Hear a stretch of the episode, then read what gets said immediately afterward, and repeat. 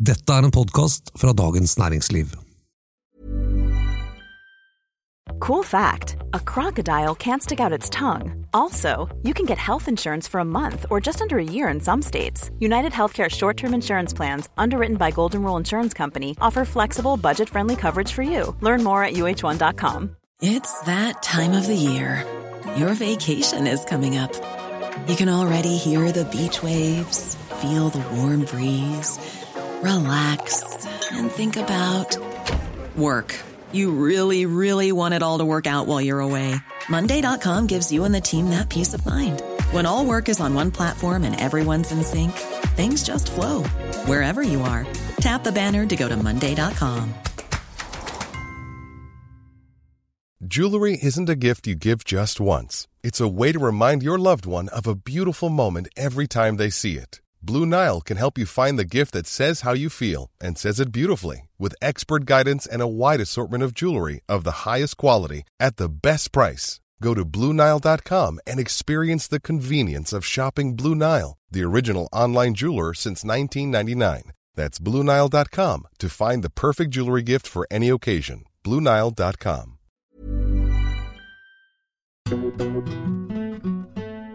Regjeringen har denne uken fått inn fem nye statsråder og flyttet på to.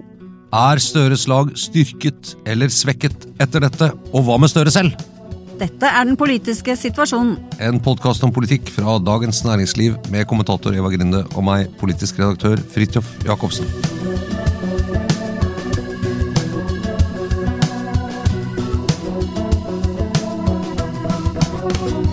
Velkommen til hovedstaden, Eva Grinde. Jo, tusen takk skal du ha.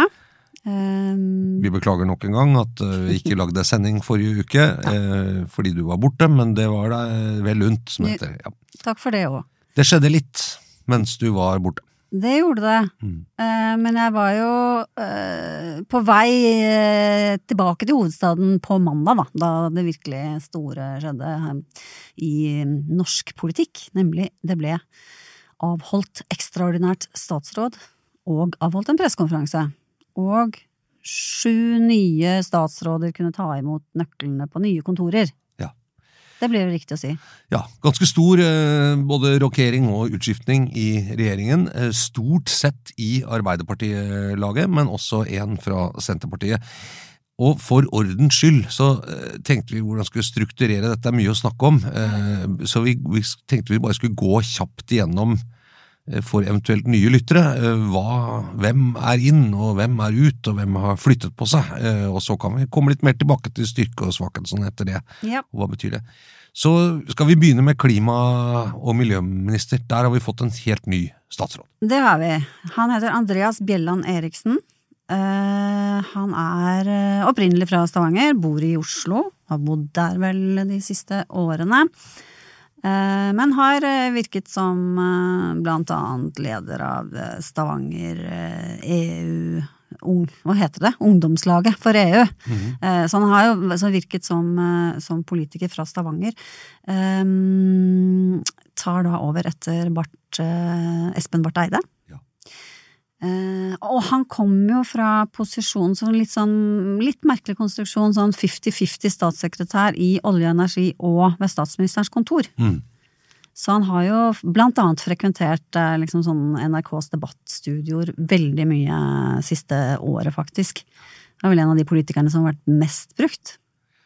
Eh, Så ikke helt ukjent likevel sånn sett, da, hvis man ser på den type programmer. Nei, eh, blir regnet for å være et eh, stort politisk talent. Eh, moden for alderen, får man vel si, og, og en slags Wonderboy, eh, kan man vel litt si. Og han var jo også den eh, uka for de som så da når vi spilte inn dette på onsdag, på tirsdag, så hadde han den debatten hos Fredrik Solvang hvor han sto eh, på den ene siden og møtte kritikk da fra seks, sju, åtte, ni representanter fra miljøbevegelsen, eh, fordi han eh, jo er en vært fremholdt som en oljevennlig eh, ikke sant, politiker fra oljebyen eh, Stavanger.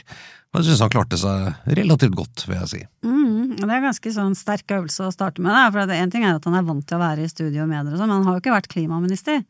Så det, er jo en del temaer som, eh, som kommer inn der, som du skal på en måte ganske raskt sette deg inn i og, og parere motargumenter og sånn, så det er godt gjort. Og han, altså, hvis du ser på CV-en ellers, så er den også veldig altså, siviløkonom og tre år juss og diverse jobber og, og 31 år, liksom. Man har på en måte trøkka mye inn på kort tid. Ja, ja. Det må man kunne si. Eh, en, eh, en flink, flink fyr, virker det som. Veldig flink. Eh, og også, som ble trukket frem, også en av de som var på Utøya eh, den 22. juli eh, 2011. Noe Støre trakk frem da han presenterte de nye statsrådene, at det var enda en statsråd som nå kom inn med den bakgrunnen. Noe han la ganske stor vekt på at det, er viktig at denne generasjonen trer inn i sentrale politiske verv, som virker som Støre er opptatt av. Mm, for før så har du jo næringsminister eh, Vestre og Tonje Brenna. Ja.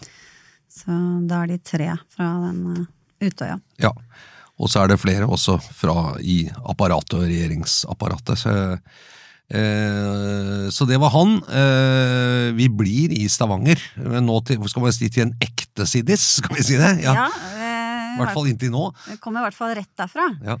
Eh, Kari Nessa Nordtun, den svært populære Arbeiderparti-ordføreren i Stavanger, som måtte gå av nå av eh, valget, hvor det akkurat ikke rakk til eh, gjenvalg. Eh, Kari-effekten. Nå, nå har vel Støre lyst til å karre til seg litt av Kari-effekten, eller hva tror du? Jo, eh, Kari Nessa Nordtun eh, klarte ikke å sikre flertall for sin eh, på en måte del av politikken i Stavanger, men, men Arbeiderpartiet gikk jo frem eh, fra et valg til et annet, og det var det ikke så mange steder de gjorde. Eh, en veldig personfokusert valgkamp eh, rundt henne, som falt i god jord, tydeligvis hos mange. Har vært en populær ordfører og respektert ordfører. Eh, Blant annet dette gratis buss, da, som har vært litt, Ja. litt sånn småomstridt også, da, men så innføre, innføre liksom gratis buss i byen rett før valget, at det liksom, ja. Ja. Men eh, ja da, men det, alt er lov. men, men jeg tror hun altså hadde jo en eh, ganske stor og sterk posisjon i byen også før det. Eh, og de som er eh, lyttere av den politiske situasjonen, eh, har jo vært borti henne før. Hun var gjest hos oss i Arendalsuka, for eksempel. Og, I fjor, Eh, altså. ja, I år, faktisk. ja. Å ja! På i Arendal, ja. Ja, i Arendal, ja. Nei, da blander jeg meg. Vi har hatt en som gjest i podkast en gang før det. Ja, også på. Coconomics, ja. Ja. Det var i fjor. Ja. Så, så ja, hun, hun går altså inn som ny kunnskapsminister og etterfølger Tonje Brenna, som, som har flyttet på seg. Det skal vi komme tilbake til. Eh, selvfølgelig et ganske viktig departement, eh, det med skole. og Her er det jo noen ting som man høres nevnt, er for eksempel skjermbruk hos unge, som jeg tror mange voksne med stemmerett er engasjert i, og litt om skal skolen være teoretisk eller praktisk rettet, og i, liksom, i skolepolitikken er jo eh, måte et sted hvor det er litt tydelige forskjeller mellom høyre- og venstresiden i norsk politikk. Jeg hørte noen representanter fra venstresiden, om det var eh, Rødt eh, eller, eller noen andre, men som var veldig, hadde store håp eh, til henne, da, ut fra hva hun har stått for og gjort i Stavanger når det gjelder ta, ta seg av eh, skolen. Så det Der har vi henne, men eh, det er jo flere.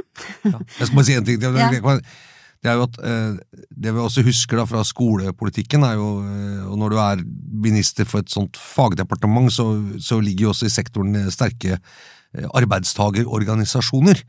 Eh, sånn, er du justisminister, så må du deale eksempel med Politiets Fellesforbund. Eh, mens i, i, som kunnskapsminister så er jo da lærerne og Unio en veldig viktig motpart i lønnsforhandlinger og, og sånn. og det eller ikke lønnsforhandlinger, men i, de er jo kommunale stort sett, men, men i området. og Det har jo vært en streikevillig gjeng, eh, og en ganske hardt, hardtslående og frittalende gjeng eh, i mange år. Så jeg er litt sånn spent på det første kommunale lønnsoppgjøret, og om lærerne da skal streike mot en relativt fersk kunnskapsminister, og hvordan hun skal håndtere det eventuelt. eh, Det tror jeg blir en, en utfordring. Da. Men jeg tror hun er, hun er vel hentet også sånn eh, Hun regnes vel som et sånn sterkt kort, som en, som en positiv og likende profil som, som denne regjeringen kan altså, ikke få nok av, og kanskje trenger mer av. Ikke sant? At, at, det er, at det også er et av hennes eh, veldig sterke kort, da. mange har jo positivt inntrykk av henne. At hun er, har en ganske sånn eh, Hva skal man si Hun, hun er eh, blid, på en måte, og, og likende, og, og snakker ganske sånn åpent og lave skuldre. Ja. Ja. Og så gjorde hun jo også, altså, Det er jo mange som har påpekt det, at det var ganske godt gjort å, å lede det Arbeiderpartiets energiutvalg uten at det ble mer bråk enn det det ble. da. Ja. Og at hun på en måte greide å samle opp i seg ulike syn og forvalte det på en, på en grei måte. Ja. Og ordførerbakgrunn fra en stor by er jo også interessant, men det er jo ganske sånn Du må ha ganske sånn eh, raske politiske instinkter for å fange stemningen ikke sant, i, et samfunn som hun åpenbart lyktes ganske godt med, ettersom hun ble såpass populær. Også hos mange av de som ikke stemte på henne, var hun jo veldig populær. Så jeg er litt spent på å se hvordan det går, når hun da skal inn i, en, i noe som er en helt annen rolle. Ja, det er jo det. Så, ja, Eh, Så er det ny fiskeri- og havminister. det er det. Ja, Cecilie Myrseth fra Troms. ja. Stortingsrepresentant. Stortingsrepresentant og har vært ekstremt aktiv som helsepolitisk talsperson for Arbeiderpartiet. Uh, ute i, igjen, altså i medier og, og debatter og den type ting. Men før det så var hun også fiskeripolitisk, så hun har jo, har jo det fagfeltet også baki, baki der. Ja. Tar over etter Bjørnar Skjæran, som egentlig vel hadde forventet at han skulle få sitte perioden ut. ja. For det var han blitt lovt. Sies i hvert fall at det var en slags deal da han trådte til side som nestleder, som han egentlig ikke hadde lyst til. At han, at det er blitt, at han på en måte i hvert fall oppfattet at eh, han da skulle få sitte som statsråd ut perioden. Eh, men det får han ikke, og må tilbake til Stortinget. Mm. Så eh, Myrseth eh, litt, liksom, kom inn på Stortinget i sånn relativt ung alder. og er jo kjent for noen som en av programlederne i denne berømte podkasten Partipressa Ja. Ja. Som var Arbeiderpartiets forsøk på å lage en slags sånn eh, løssluppen eh, partipodkast med henne og Åsmund Aukrust og Mani Hussaini. Den ble jo ganske mye kritisert, var vel ikke noe stor suksess, og endte med å bli tatt av lufta. Jeg tror episodene til og med ble tatt bort fra nettet. Alt er, alt er borte. Ja. Så det var vel etter modell fra, eller forsøk på å gjøre noe av det samme som, som Høyre da har gjort med langt større hell med stortingsrestauranten. Ehm, problemet var vel at stemningen i den podkasten, den, den ble liksom aldri Det ble aldri noe fest. Det ble mer sånn Ja. Nei, vi kan ta analysen av den en annen gang. Men hun var en av dem, i hvert fall. tonen. Traff ikke helt med tonen. Uh, ja. Eh, Men hun er også inne, og det er, her er vi jo i Nord-Norge. under Skjæran fra Nordland, eh, Myrseth fra Troms. Eh, det er ikke alltid de er bestevenner, de to fylkene der. Eh, blir voldsomt bejublet av Nordlys, har jeg sett, og deres nye politiske redaktør Maja Soitaric er Ja, liksom det enormt mye håp Ja. til, til Myrseth. Og, Så det har jo nok også en ganske stor sånn forventning fra landsdelen der oppe om at nå skal de liksom være at hun er deres på en måte statsråd og sånn, og så bare er det en ekstra dimensjon oppå da fiskeripolitikken som eh, Så det kan bli spennende. Blant annet at hun skal dra eh, At hun kan bidra til å få fiskeripolitikken opp eh, i, i, i liksom den allmenne debatten i større grad enn det Skjæran gjorde. Da. Han har jo ikke vært veldig synlig eh, som fiskeriminister. Nei, og særlig det er, det er en sånn politiske avgjørelser her om kvoter, hvor nå det å altså, ha, fiske, ikke oppdrett, men vanlig man kaller det eh, råfisk, da, eller fiske i havet, at det er nå veldig konsentrert rundt store selskaper og trålere, som, eh, som liksom har det meste av kvoten og det meste av virksomheten, mens mange i Nord-Norge spesielt ønsker at mye av det skal komme tilbake til kystfiskere igjen, sånn at det kan komme inn på land, og at det er en måte, litt mer Evig aktører. problemstilling eh, i nord. Eh, men hun, hun, hun, hun har jo ord- på seg for å, for å ha mer eh, hjertet sitt eh, blant kystfiskerne enn trollei, I hvert fall, ja, en, i hvert fall i større grad enn Skjæran hadde. Ja, ja. Så det blir jo spennende. Eh, Så er det en ny, helt nytt, eh, etter hvert også et nytt departement, Digitaliserings- og Forvaltning. forvaltningsdepartementet. Eh, Fra 1. januar så skal det bli et eget departement. Ja. Her skal vi til Trøndelag. Karianne Tung, eh, som var vel eh, var leder i Trøndelag Arbeiderparti? Eller, ja. Eh, I hvert fall sentral. Jeg vet ikke helt om hun var leder her oppe, men hun, hun markerte seg jo ved å ja, Akkurat hvordan den avskjeden i politikken ble, men altså, hvert fall måten hun formulerer det på nå, er at hun syns det var veldig deilig å forlate politikken i 2020, rundt 2018 i forbindelse med metoo og det, alle de bruduljene der, og hun mener at Arbeiderpartiet har kommet et mye lengre eh, stykke på vei i å håndtere den type ting nå, som gjør at det nå er aktuelt å komme tilbake i politikken. Så det er jo litt interessant sånn sideegenskap ved henne, da. At hun, eh, at hun snakker sånn det er- jo ikke helt dagligdags hverdagskost at man snakker høyt og åpent om de tingene i det hele tatt i Arbeiderpartiet, så det var liksom litt sånn befriende, syns jeg, at hun sa det. Satt på Stortinget fra 2013 til 2017 for Sør-Trøndelag, da, som het da. Og, og var, som, ja, som huska riktig, hun var leder av Sør-Trøndelag og senere Trøndelag Arbeiderparti, men, men gikk ut, og, ja, og som du sa også sa i ettertid, at hun syntes at det var en dårlig partikultur, altså særlig da rundt dette med, med, med omgangstoner rundt eh, ja, mellom menn og kvinner og eldre. Unge kvinner og eldre herrer. Ja, ikke sant, ja. Eh, så tydelig på det. Hun kommer altså inn eh, i det nye der, Hun kommer fra en jobb i noe som heter Techport, Trondheim Techport, som er en, en organisasjon som samler en del og skal legge til rette for en slags møteplass for mange teknologibedrifter i omlandet rundt NTNU og Sintef, som jo er mye sånn, teknologisk kompetanse der oppe. Eh, og dette har jo vært en statsrådpost som ikke har eksistert før nå, men som det blir sagt var en del av avtalen mellom Arbeiderpartiet og Senterpartiet de lagde regjering, at Arbeiderpartiet hadde en statsrådspost til gode som de skulle få i løpet av perioden. Ja. ikke sant? Ja. En såkalt B-protokoll som heter at de hadde en avtale om at den kommer ikke inn nå fra begynnelsen. Ja. Men så Men de har jo nå kommer den. hatt Digitaliseringsminister har jo eksistert før, med Nikolai Astrup, var ikke? Ja, men det, det blir en ekstra statsråd i regjeringen Ja. som kommer fra Arbeiderpartiet. Da Ja, blir jo fordelingen eh, 12-8 istedenfor 11-8. Ja, ja, ja. Sånn, ja. ja. Så um, det var det. Men spørsmålet er liksom, det er jo spennende å se hva, hva blir det av det der, ikke sant. Det er jo alltid risikofullt å starte noe nytt sånn. Blir det da bare noen som skal prate og holde fine taler om viktigheten, eller kommer de faktisk til å få makt og, og myndighet og, og mulighet? Og det at det blir et eget departement er jo bra, og også at det settes i sammenheng med forvaltning, syns jeg høres fornuftig ut, fordi det er jo det det handler om. Da vi har jo hatt liksom sånne forferdelige saker med offentlig sektor som prøver å ja, bli digitale, og hvor det virkelig bare går på den ene smellen etter den andre. Sant? Ja, denne helsejournalsaken, for eksempel, som Ja, man holdt med. Og Nav, ja. Men så har vi noen vellykkede som Altinn og Skatteetaten og sånn, som jo er jo blitt mye enklere systemer, så, Lånekassen. og Lånekassen. ja. Så det er, eh, men det, det er klart der er det ganske mye å gjøre, får vi se hvordan eh, det går. Nå, nå var det, hopper jeg litt på lista, for jeg tenkte vi skulle ta de to sittende til slutt. Vi har også eh, Senterpartiet da, skiftet kommunalminister. Mm. Sigbjørn Gjelsvik eh, ut, eh, og eh, Erling Sande inn. Ja, hva kan vi si om Erling Sande, Fridtjof? Here's a cool fact a crocodile can't stick out its tongue. Another cool fact you can get short term health insurance for a month or just under a year in some states. United Healthcare short term insurance plans are designed for people who are between jobs, coming off their parents' plan, or turning a side hustle into a full time gig. Underwritten by Golden Rule Insurance Company, they offer flexible, budget friendly coverage with access to a nationwide network of doctors and hospitals. Get more cool facts about United Healthcare short term plans at uh1.com. It's that time of the year. Your vacation is coming up. You can already hear the beach waves, feel the warm breeze, relax, and think about work. You really, really want it all to work out while you're away. Monday.com gives you and the team that peace of mind. When all work is on one platform and everyone's in sync, things just flow wherever you are. Tap the banner to go to Monday.com. When you're ready to pop the question, the last thing you want to do is second guess the ring.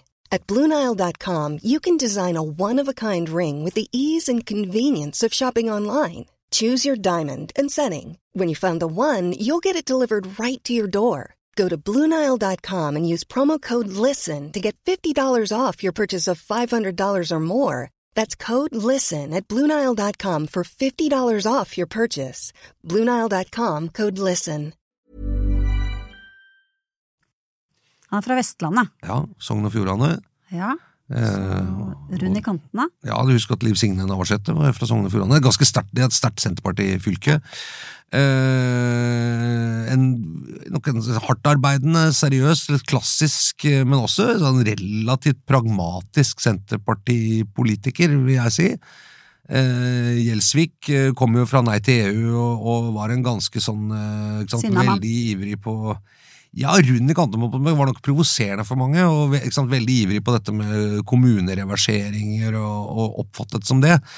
Eh, og, og- nok liksom eh, litt en ideologisk senterpartist, kan man si, mens Erling Sande kanskje noe mer oppfattes som noe mer instrumentell, ja, hvis man skal kunne si det sånn. Pragmatisk, ikke sant. Prøver å finne løsninger, ikke fullt så eh, ja, prinsippstyrt, eller hva man skal si. Da, Gjelsvik hadde jo også den derre eh, episoden med den forskningsrapporten som han nektet å godta og sånne ting. Ja, han var jo litt inne i det som Vedum har, har vært glad i, med liksom å kjøre opp by og land-konflikten som også en kulturell og ideologisk konflikt, nærmest. ikke sant? Mm. Og, og sånt med Sande har vel vært eh, ikke arkert seg så mye på det.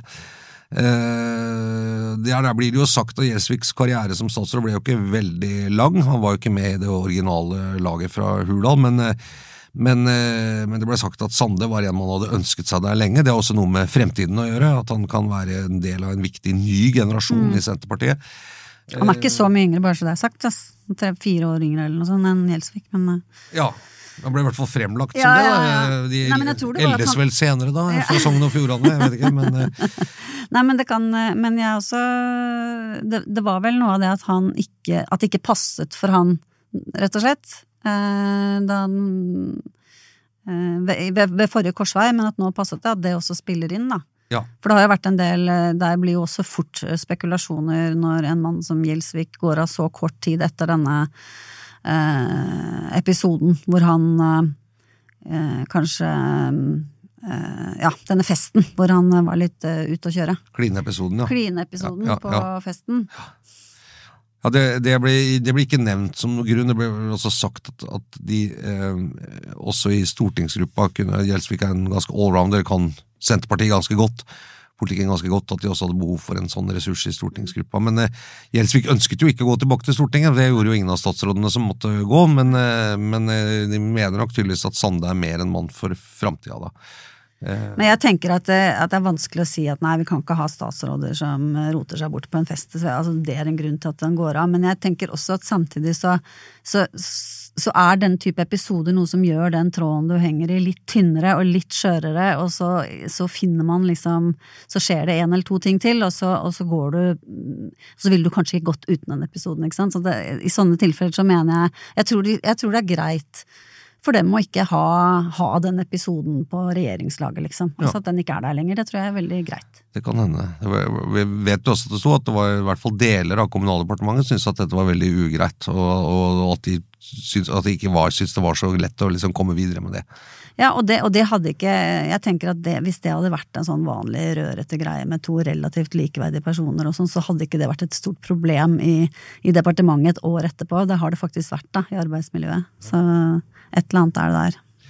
Så to kjenninger som da har byttet departement. Eh, vi tar Espen Barth Eide først, da. Klimaminister, nå utenriksminister. Det kan vi gjøre. Ja. Han, har jo, han var jo nevnt som utenriksminister eh, allerede 2021, han, ikke sant. Det var jo Anniken Huitfeldt og han det sto om i spekulasjonene, holdt jeg på å si. Og man har vel gått ut fra at eh, Jonas Gahr Støre hadde foretrukket ham allerede den gangen. I hvert fall så er det mange som tror det. Og at Anniken Huitfeldt fikk den på grunn av sin posisjon, og på grunn av at det var viktig, eh, altså at selvfølgelig også hennes bakgrunn i, på Stortinget, sant, med utenriks- og sikkerhetspolitiske saker, så hun kunne jo det stoffområdet. Men at det også var viktig å gi henne noe av det hun ville ha den gangen. Hva tror du? Jo, jeg har i hvert fall vært leder av utenriks- og forsvarskomiteen så lenge at det var nesten litt vanskelig å komme forbi henne som utenriksminister, gitt at det var, hun hadde vært den øverste, eller liksom ansvar for det området Ja. i opposisjon. Når det var det hun ville? Ja. Eh, så var det jo spekulasjoner om Støre egentlig ønsket henne i en annen rolle, og dermed at Barth Eide kunne være utenriksminister. Men nå, skjer jo dette. og Det, det å bytte utenriksminister midt i perioden er ikke så veldig vanlig. Eh, når det lenge sist det skjedde, tror jeg det var fordi noen i hvert fall, skjedde i hvert fall en gang fordi en døde.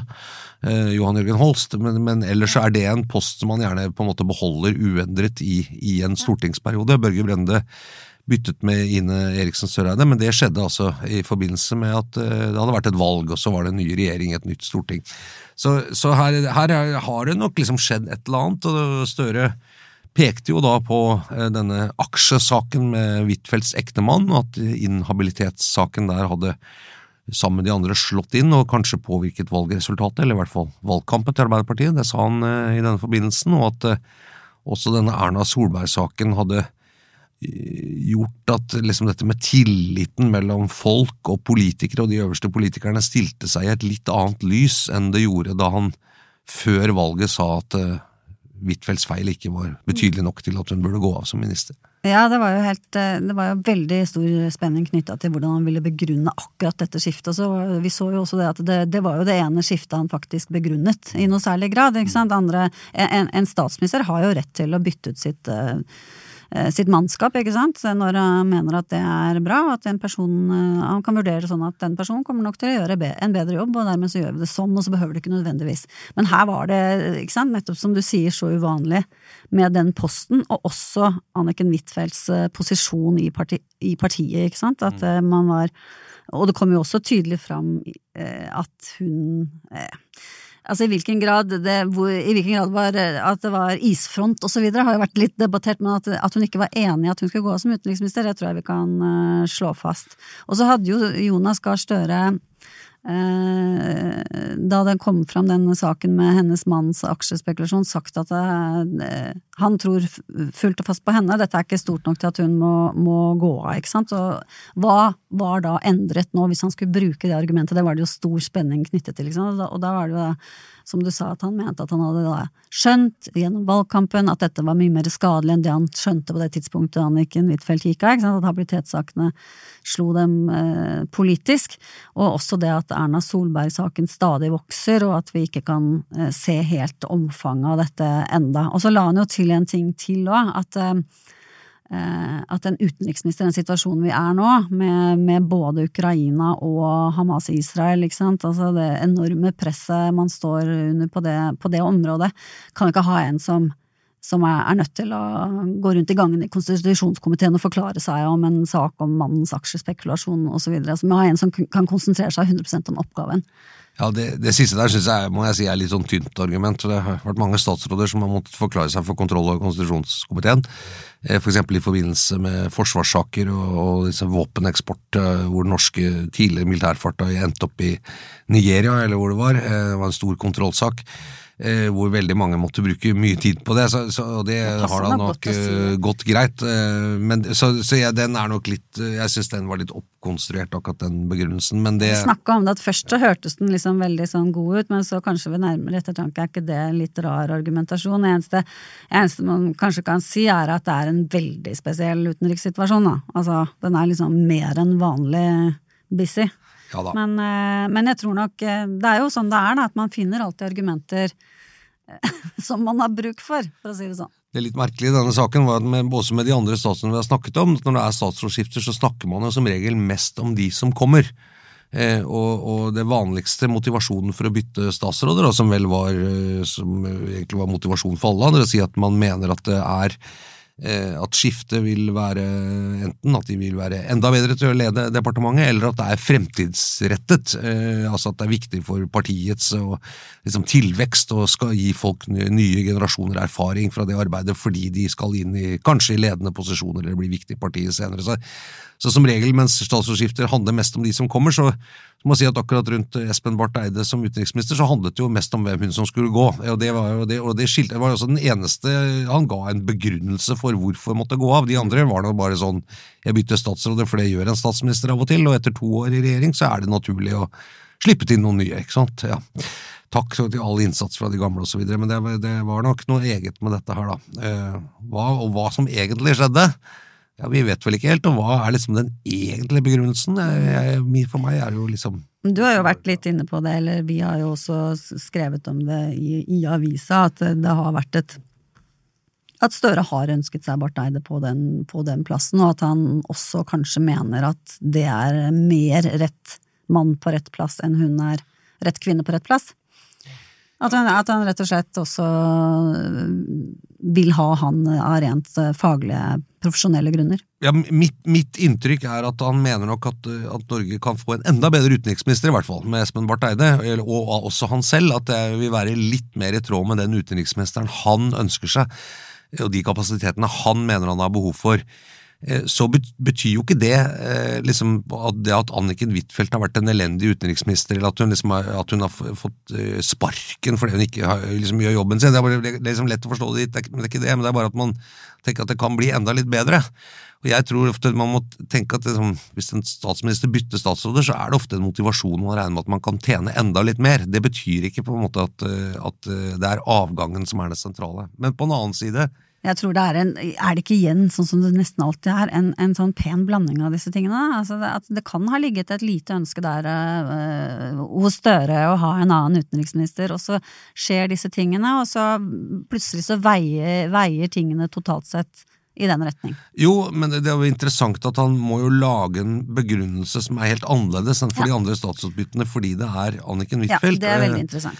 Og, det som, og, Og den det begrunnelsen Ja, og den begrunnelsen ender jo også da med at han kunne jo sagt at Anniken Huitfeldt og Espen Barth Eide eksempel skulle bytte jobb, eller at Anniken Huitfeldt kunne fått en annen statsrådpost for å fortsatt ha en regjering, men hun går altså helt ut av regjeringen og tilbake i Stortinget, og kanskje betyr dette at liksom hennes karriere som på toppen av norsk politikk er i ferd med å gå mot slutten. Men Eh, hvis du, skal bruke, ja, hvis du skal bruke habilitetsargument for å gå av, så går det ikke an å sette henne inn i en annen statsrådspost, ikke sant? Nei, det er det jeg mener. Ja, Ja. Så det er litt eh, Ja. eh, Så det er mulig at selv om da habilitetsargumentet kanskje ikke er den reelle grunnen, Mm, så, sånn, så gjør den automatisk det. Ellers så kan man jo må bare understreke at dette er rent hypotetisk, ellers så ønsker han samtidig å vise at noen snakker om at eh, Anniken Huitfeldts eh, makt i Arbeiderpartiet er så stor at hun eksempel kan eh, nærmest bestemme selv at hun skal bli utenriksminister, eller hvem som skal få posisjoner og verv osv.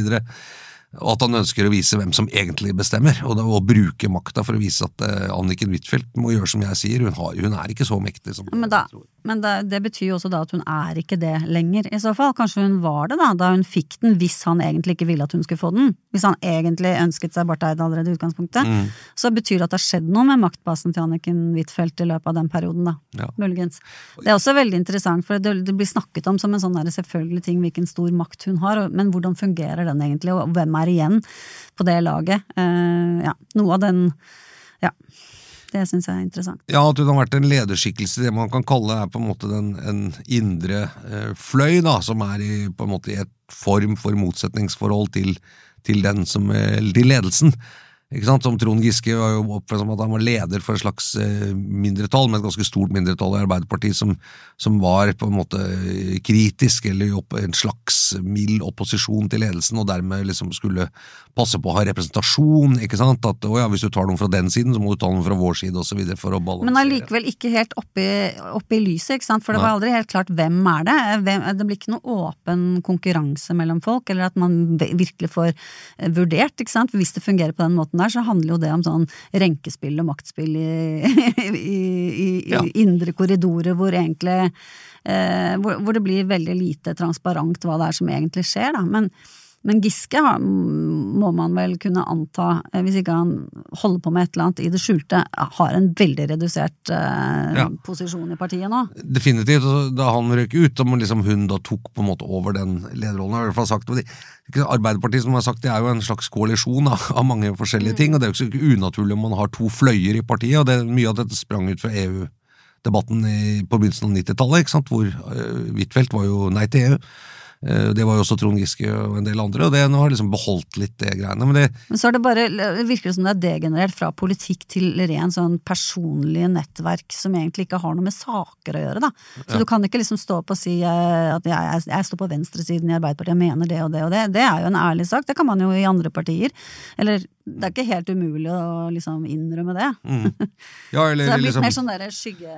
bunadshøyre, distriktshøyre mot, Ja. mot Oslo-høyre, ikke sant, for eksempel, og, og sånt noe som, som er eh, Ja, jeg er enig, men, det, men det, uansett så vil jeg jo si at med denne fornyelsen i regjering, så er det jo en helt annen generasjon som kommer liksom er mye yngre enn enn det man kunne kalle denne Huitfeldt-fløyen eller Giske-fløyen eh, i sin tid, som nå kommer inn, eh, og som kanskje det skal bygges rundt. og Det, det kommer jo da på den siste her, nemlig Tonje Brenna, som eh, da har gått inn og blitt ny arbeids- og inkluderingsminister, og Marte Mjøs Persen, som hadde den jobben eh, også tilbake til Stortinget og ut av regjering.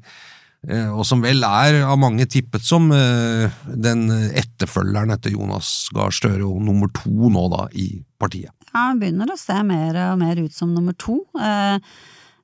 Spesielt med denne, med denne nye posisjonen.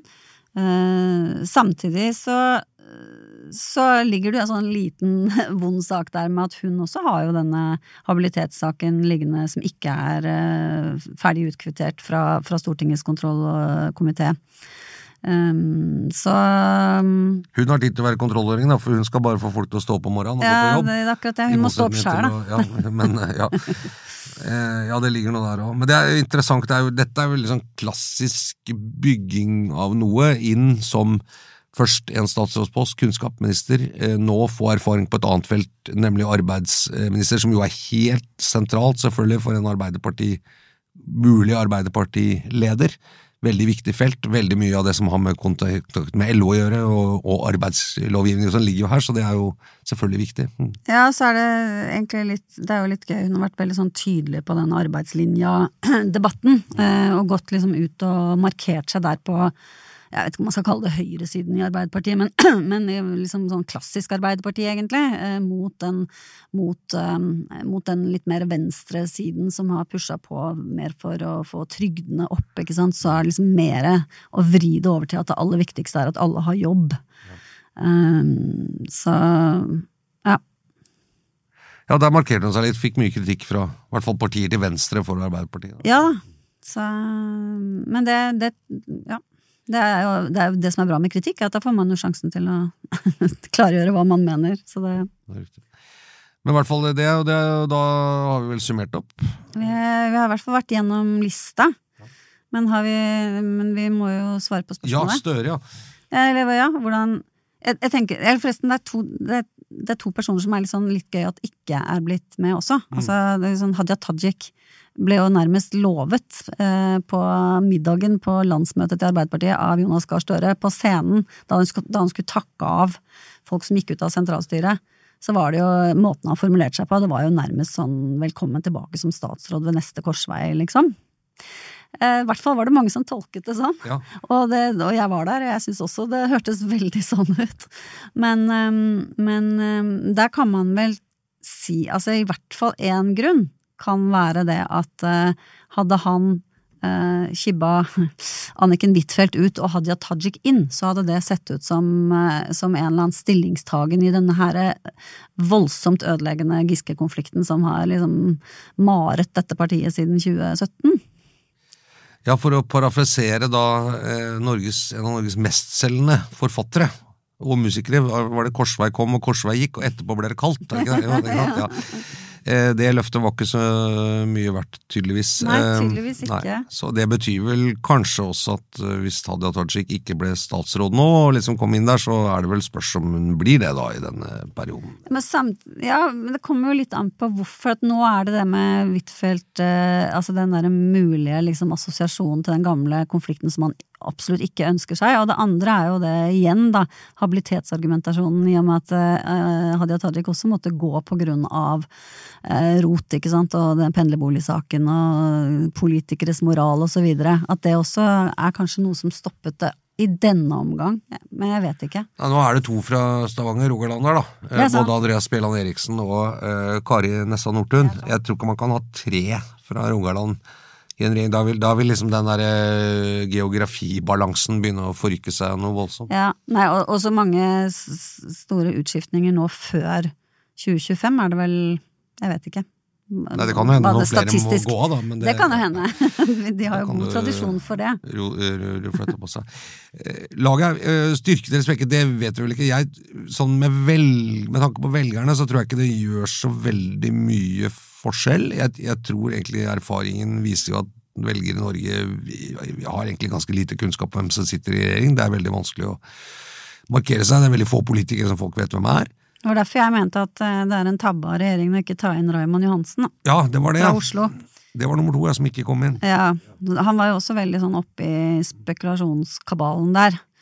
Uh, og da ble, var liksom alle enige med seg selv om at det går ikke, fordi vi har liksom allerede to menn rundt 60 i denne regjeringen fra Oslo. Um, men, um, men det, er jo ikke bare, jo ikke bare alder og geografi som avgjør uh, hvordan man er som politiker, eller hva man kommer med av liksom, bagasje inn i, inn i, et kollegium. Så det er liksom litt interessant det der med sånne mangfoldsargumentasjon, at vi må ha litt av det og litt av det. Men man kan jo Jeg, jeg, jeg, jeg tenker at uh, nye klimaminister uh, Nå skal vi se her, Anders Bjelland Eriksen, er på en måte minst like like lik eh, Espen Barth Eide og Jonas Gahr Støre som det eh, Raymond Johansen er, hvis du skjønner hva jeg mener. Altså, man kommer inn med forskjellig ballast, og, og dessuten, ikke minst, denne regjeringen kan jo trenge litt mer folkelig appell. Ja. Han kunne sagt du sier vi har, liksom, vi har to fra Oslo, og så har vi én fra Oslo. Det er akkurat det. Det, si det. det er forskjell på Oslo og Oslo. Eh, ja, det er det. Eh, Øst, østkanten, vestkanten. Eh, seks års høyere utdannelse og rørleggerutdannelse, eh, for eksempel. Ja. Og ikke minst stil. Politisk stil. Det var ikke noe plass der, nei. Nei, det var ikke noe plass der. Jeg har hørt litt forskjellig om han var inne i kabalen på noe tidspunkt eller ikke. Der eh, er det litt ulike rykter som jeg ikke har kommet helt til bunns i. Må vente til neste uke. Mm. jeg, jeg, tror at Arbeiderpartiets problem med velgerne da, Tilbake så man jo i lokalvalget osv. Det handler nok, øh, tror jeg, ikke helt om hvem som sitter i regjering. Eh, men det, men det, kan ha, det, kan ha, delvis noe med det å gjøre. Jeg tror det ene er at Støre selv må bli uh, tydeligere og bedre likt og mer respektert. For jeg tror liksom det er en Du kan ikke delegere det. Nei, Nei men liksom, vi, vi er litt bortskjemt med, med uh, statsministre uh, som er ganske sånn godt likt og godt respektert. Vi har hatt en del av de i Norge etter krigen. Da, Gerhardsen, selvfølgelig. Gro Harlem Brundtland. Jens Stoltenberg. Eh, og som på en måte blir veldig sånn eh, På forskjellige måter, men veldig sånn respekterte lederskikker, og at styringspartiene da har liksom Kåre Willoch tror har litt nytt samme respekten, og Erna Solberg. Og Jonas Gahr Støre er liksom ikke oppe på den posisjonen i Norges befolkning i det hele tatt. Eh, syns jeg. Nei, et, nei og, og, det er ikke bare syns heller, for det viser vel en del sånn ja, mm. sånn når man spør eh, hvordan han har likt og, og, den type ting, og hele regjeringen er jo helt historisk eh, upopulær. Men det bare slo meg når du ramset opp her, for jeg, jeg bare husker så godt eh, Jens Stoltenberg, og det var før 22. juli og sånn, så husker jeg vi bare sånn Hvor er han hen? Han er helt borte! Han viser seg altså, liksom, det, det ikke, Vi har ikke noe lederskikkelse her i det hele tatt, bare sånn grå altså, jeg, jeg, bare lurer på om, om det der tilbakeskuende blikket er litt annerledes enn hvordan det er når man, når man sitter i det. Om vi liksom elsket Gro Harlem Brundtland så voldsomt hele tiden, og Kåre Willoch og sånn, eller om det er litt grann det man får av sånn eh, ettermæle. Ja, ja, jo, jeg er litt enig, men samtidig så, så, var det altså sånn at Arbeiderpartiet ikke bare vant, ble gjenvalgt i 2009, men faktisk også gikk frem. Eh, jeg mener, Så nå må noe ha vært riktig. Ja, ja. ikke sant? Eh, ja, nei, det, det, er ikke det at det, ja. Men, men, jeg, men, men eh, og, det er riktig, men tror man allikevel blir målt litt mot minnet av disse, og da, nå sist altså Erna Solberg, som også hadde, i hvert fall fram til Sindre Finnes aksjehandler, en veldig sånn sterk posisjon. Så det er jo standarden du blir målt mot, og egentlig ikke så mye de man ikke husker så godt, men det er jo det du blir målt mot. Eh, og, da, og da, der har nok eh, Støre litt igjen, eh, og det kan jo hende rett og slett fordi han har vært for travel eh, med å gjøre ting som ikke er synlige i Norge, f.eks. å ivareta vårt forhold til omverdenen og Europa i en veldig krevende tid. det er det han er mest interessert i òg, da? Ja, det er i hvert fall det han ser jo i denne boka til Kjetil Alstheim, som er kommet ut nå, som heter Jonas og krigen, har i hvert fall vært veldig tidkrevende. Eh, og Det har han også gitt uttrykk for på en måte som egentlig ikke har vært sytete, bare litt sånn matter of factly, at det tar veldig mye tid. Det går altså utover den tiden du kan bruke på å være synlig i Norge og i norske, norske debatter og i partiet.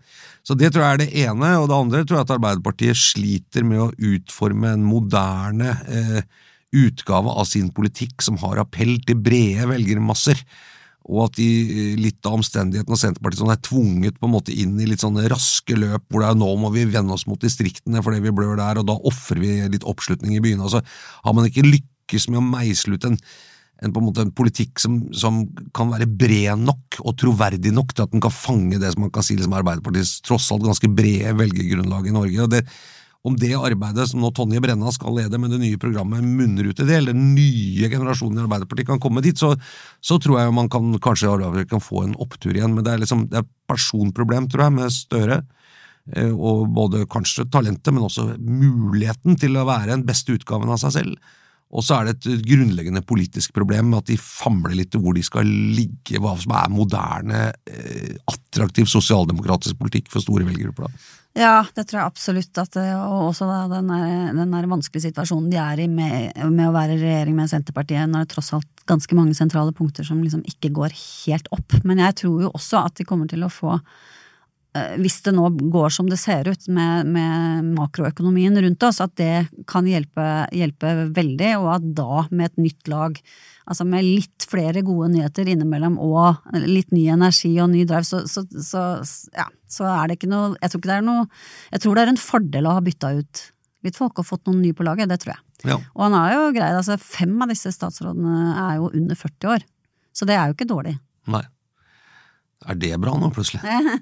Ingen i dette studioet er under 40 år, det kan jeg si, og heller ikke vår produsent. Nei, nei, nei, jeg argumenterer jo varmt for at Raymond Johansen 62 burde vært der og sånn, så det, men det er jo ikke så enkelt som det, men eh, ja. Ja, Det er, ikke, det er ikke bare en gjeng som sitter og tviholder på makta, han skifter ut eh, folk og Ja, får han- nye til. Og det virker han opptatt av. At han må gi nye generasjoner Mm. erfaring, eh, fordi det handler om fremtiden til Arbeiderpartiet, og at de blir kjernen i da, en ny eh, maktgenerasjon i Arbeiderpartiet som skal føre partiets politikk videre. Så det, det ansvaret tar han. Det, det er jo snakk om å forberede for den tiden som skal komme etter ham selv. Eh, når den kommer, det får vi nå se på, da. Ja. Det var ukas eh, utgave av Den politiske situasjonen, en podkast fra Dagens Næringsliv om politikk, eh, og i dag spesifikt om regjeringen Støre og de nye statsrådene. I studio kommentator Eva Grinde og meg, politisk redaktør Fridtjof Jacobsen. Du kan høre oss eh, hver uke. Nå sies det at vi ikke lenger automatisk lastes ned på mobiltelefonen for de som har det nye operativsystemet til iPhone. Da må man gå inn og aktivt huka for det i innstillinger. Jeg kan ikke gi noe mer presis beskrivelse enn det, men eh, vi, vi dette, dette finner de podkastkyndige ut av. Hvis, hvis det ikke kommer automatisk, så er det fordi du må faktisk inn og huke at du vil ha oss automatisk nedlastet, for deg som gjerne vil ha det. Eh, Produsent er som vanlig Gunnar Bløndal, og vi høres igjen neste uke. Det gjør vi. Ha det. Ha det.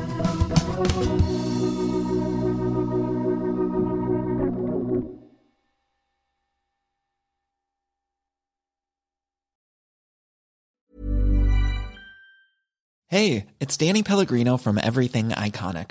Ready to upgrade your style game without blowing your budget? Check out Quince. They've got all the good stuff shirts and polos, activewear, and fine leather goods, all at 50 to 80% less than other high end brands. And the best part? They're all about safe, ethical, and responsible manufacturing. Get that luxury vibe without the luxury price tag. Hit up quince.com slash upgrade for free shipping and 365 day returns on your next order. That's quince.com slash upgrade.